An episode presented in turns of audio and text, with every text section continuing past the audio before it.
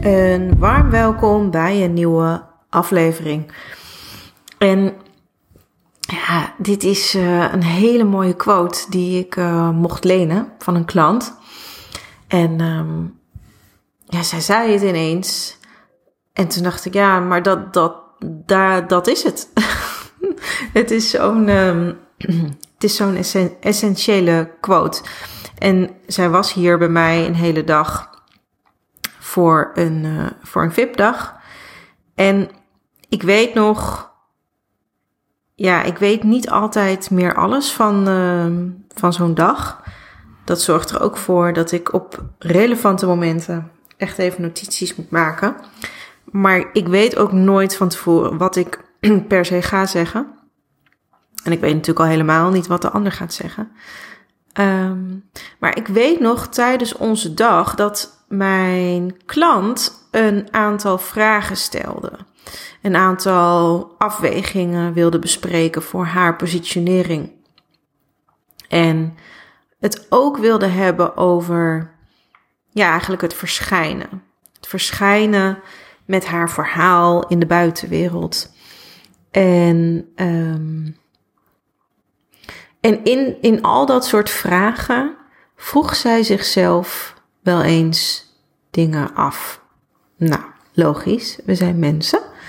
Um, maar in haar, haar, haar, hoe zeg je dat? Haar afvragingen van, nou, hoe doe ik dat? Of hoe doe ik het zo? Of moet ik het zo brengen? Of uh, eigenlijk waar we steeds weer achter kwamen was dat als ik haar de vraag daarbij stelde. Weet je, dus ik ging niet per se mee in hoe je dat dan beter kan doen of dat dan beter kan doen. Weet je, de vraag die eigenlijk centraal stond, was niet de vraag die beantwoord wilde worden. Um, er was eigenlijk een andere vraag die met een bepaalde regelmaat relevanter leek te zijn. En dat is vooral de vraag die ik wel in detail heb onthouden. En misschien dat zo het voorbeeld of een deeltje van het voorbeeld in detail komt. Maar goed, ik ga ook niet ons hele gesprek hier in de podcast uh, reproduceren. Uh, maar ik vroeg haar op een aantal momenten waarin dat soort dingen naar boven kwamen. Wat als je ervoor gaat staan? En elke keer bleek maar weer opnieuw dat dus heel veel dingen niet relevant meer waren op het moment dat je, je, dat je er gewoon voor gaat staan. Op het moment dat je ervoor gaat staan, dan sta je er voor, achter, onderboven, links, rechts. Um, dan sta je er voor. En hoeven dus ook heel veel dingen niet meer afgevraagd te worden. En ja, toen zei zij op een gegeven moment, waar, waar zij aan moest denken, omdat ik dat een paar keer al tegen haar had gezegd, wat als je ervoor gaat staan? En dat is, je voelt misschien wel in die vraag, het is misschien nog eerder een energetisch verschijnsel, ergens voor gaan staan, dan een heel erg klemerig verschijnsel met woorden. En ja, dat is er uh, onderdeel van.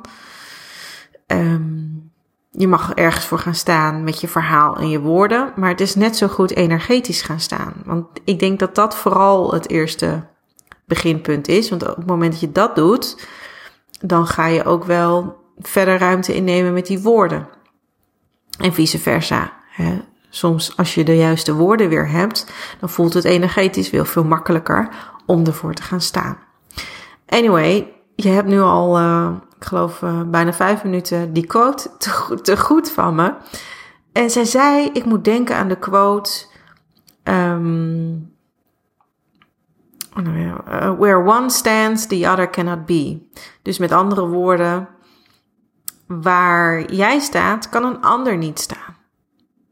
En dat is exact waar het om gaat. Dat is ook exact de spanning achter positionering.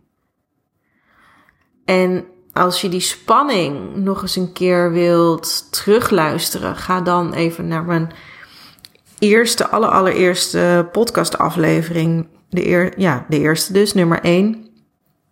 Want daarin ga ik het, heb ik het in alle rijkheid over die spanning. Wat ervoor zorgt dat we dus niet ergens gaan of willen staan, omdat we daarmee weten dat een ander daar dan niet meer kan staan.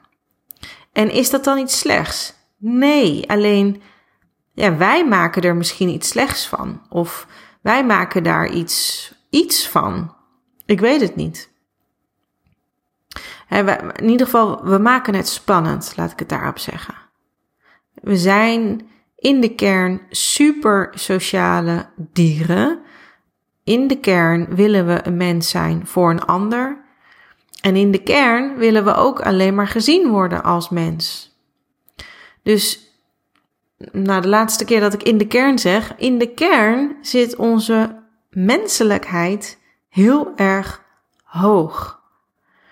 En ergens along the way heeft positionering daarin lijkt een ja, contradictie te communiceren. Um, alsof positionering niet menselijk is, alsof een positie innemen niet menselijk is, want dan kan ook iemand anders niet meer op die plek staan. Maar het is juist ook heel verhelderend voor mensen. helderheid en duidelijkheid, dat hebben we als mens juist ook nodig. Ik denk dat dat, dat, dat, heel menselijk is ook. En ik moet daardoor ook terugdenken aan een klant. En dat was een man. Um, ja, het zijn veel vrouwen die ik help. Maar dit was ook echt een hele, hele leuke samenwerking. En hij vertelde dat ja, hij eigenlijk, hoewel hij zelf uit, hoewel die zelf uit de reclamewereld kwam, um, zelf wel ook wat weerstand had als het gaat om marketing, positionering, branding. Wat voor hem eigenlijk voelde als een, een, een vakgebied waar alles heel erg groot wordt gemaakt en um, ja, dat het allemaal heel veel, als heel veel meer moet lijken. En dat hij eigenlijk erachter kwam, en volgens mij staat ook zijn review op mijn website, dat hij erachter kwam na ons uh, traject dat het eigenlijk te maken had met heel veel dingen weglaten. En waardoor het eigenlijk nog zuiverder wordt waarmee je gaat staan. Want door heel veel dingen bij ons te houden, bij ons te betrekken, um, ja, houden we denk ik toch ook nog wel een beetje de positie open. Je moet het een beetje zien als een schaakstuk die ja, het is logisch dat hij beweegt. Um, maar hij heeft wel een functie, hij heeft wel een positie. Weet je, een koning is een koning, een koningin is een koningin, een loper is een loper. En ja, we bewegen, maar we zijn in essentie ook, staan we ook ergens voor, hebben we ook een bepaalde meaning.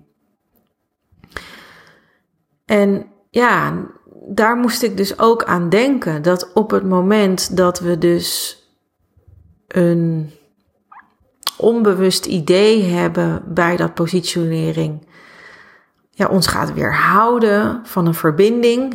Dat ga je, daar ga je echt meer over horen in aflevering 1. Is, is ook nog steeds de meeste af, uh, hoe zeg je dat? geluisterde aflevering. Uh, de meeste downloads. Ik vind hem zelf ook nog steeds heel, uh, heel erg mooi en verhelderend. Maar op het moment dat dat besef wegvalt, en dat valt dan niet voor altijd weg. Ik denk dat dat wel een soort continue herinnering blijft.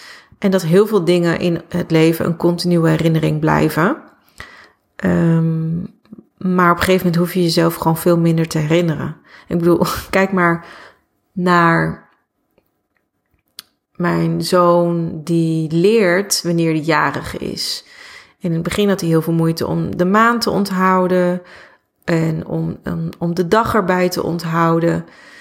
Um, maar het wordt steeds meer automatisme. Hij weet het steeds beter. En, en nu is het soort van, ja, gewoon helder. En is het misschien nog een soort minuscule herinnering die hij heeft. En wellicht wel altijd zou houden, dat weet ik niet, voor je eigen verjaardag. um, maar nu rolt het er heel snel uit. Ik ben 3 februari geboren, dan ben ik jarig.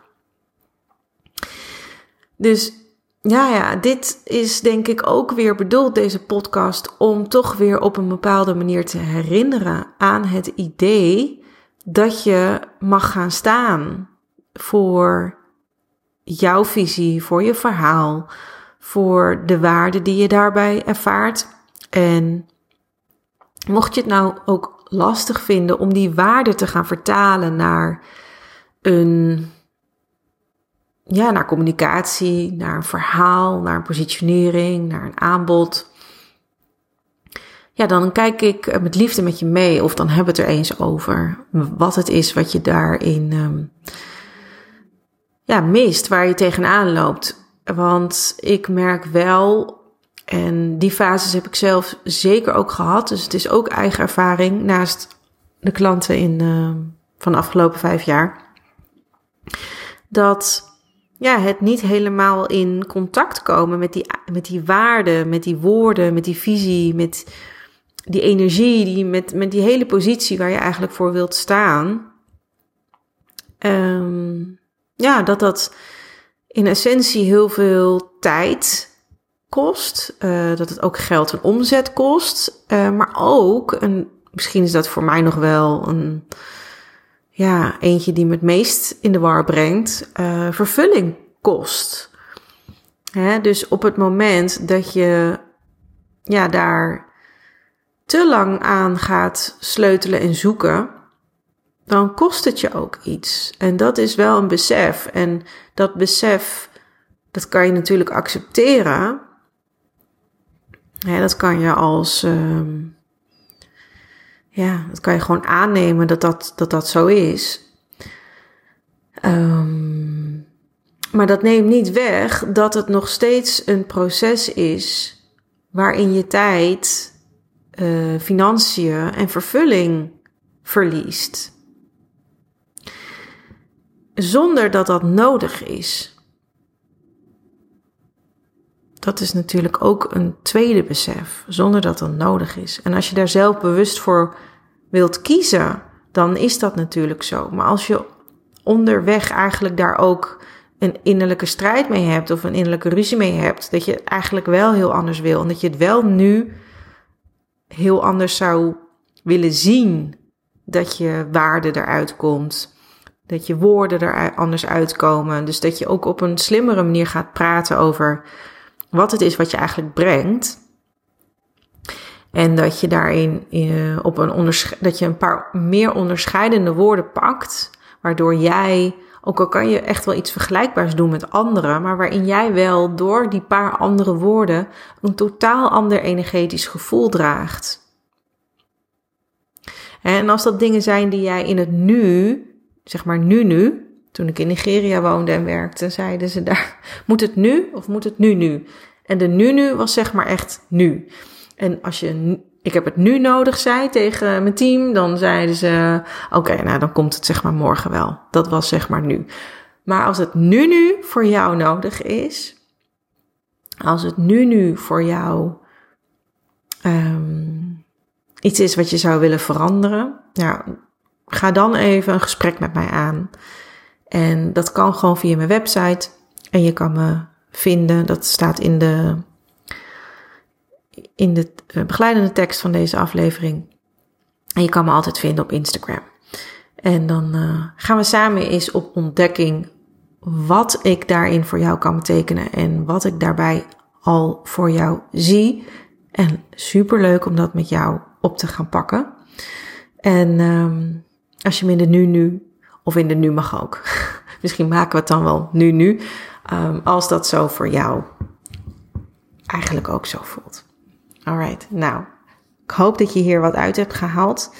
En dat het je duidelijk ook is geworden dat, um, nou ja, dat, dat je voor de ruimte mag gaan staan die er is. Dat je voor de woorden mag gaan staan die zich zo uniek bij jou voegen. En dat je voor de waarden mag gaan staan die je voelt maar niet per definitie altijd weet te vertalen naar een aanbod en naar een doelgroep en naar een markt. Ja? Heb een hele fijne dag verder of een vervolg van je dag of nacht. En um, tot de volgende aflevering. Bye.